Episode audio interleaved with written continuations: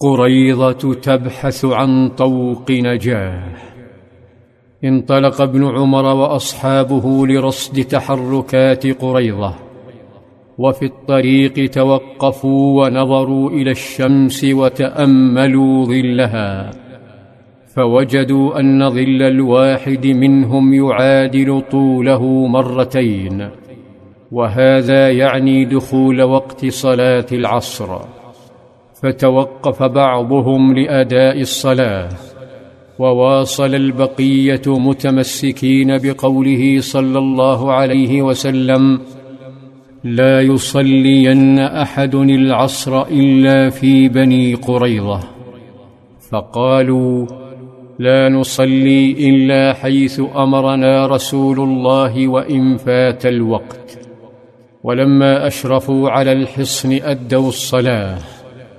أطل اليهود فرأوا تلك السرية أمام الحصن رأوا موتا حول الساحة فأدركوا فداحة جرمهم وهم يرون رجالا كانوا يحلمون قبل أسابيع بقتلهم بقتل نبيهم صلى الله عليه وسلم. بقتل أطفالهم وسبي نسائهم وإسقاط دولة التوحيد. نظر زعيمهم كعب بن أسد إلى الحاخام حيي بن أخطب الذي ورطه وأغراه.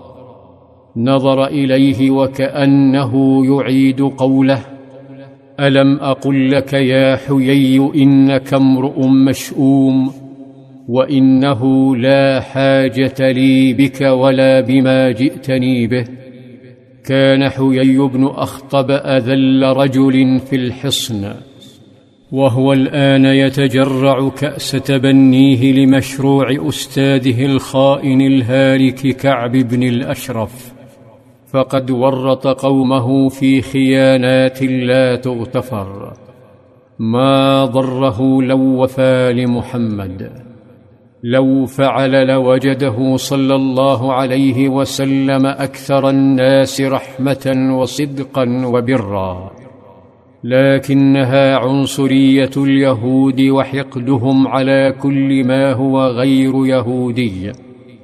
كانت الأجواء داخل الحصن مشحونة بالخوف والتوتر. فشعر يهود ببعض ما شعر به المسلمون خلال حصار الخندق.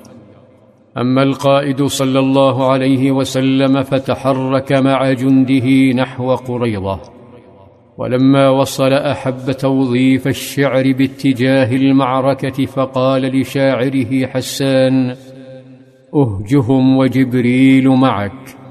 فتقدم حسان وأسمعهم من شعره ما خلع قلوبهم فأصبحوا في أقصى حالات التوتر والخوف وازداد لغطهم فصعد أحدهم وصار يصرخ ينادي أحد حلفائهم وهو أبو لبابة سمع أبو لبابة النداء فاستأذن قائده صلى الله عليه وسلم وانطلق نحو الحصن.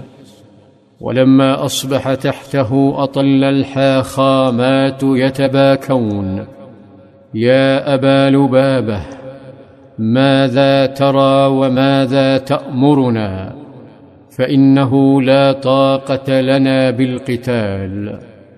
حدق أبو لبابة بالخونة وكأنه يقول الآن لا طاقة لكم بالقتال أيها الخونة.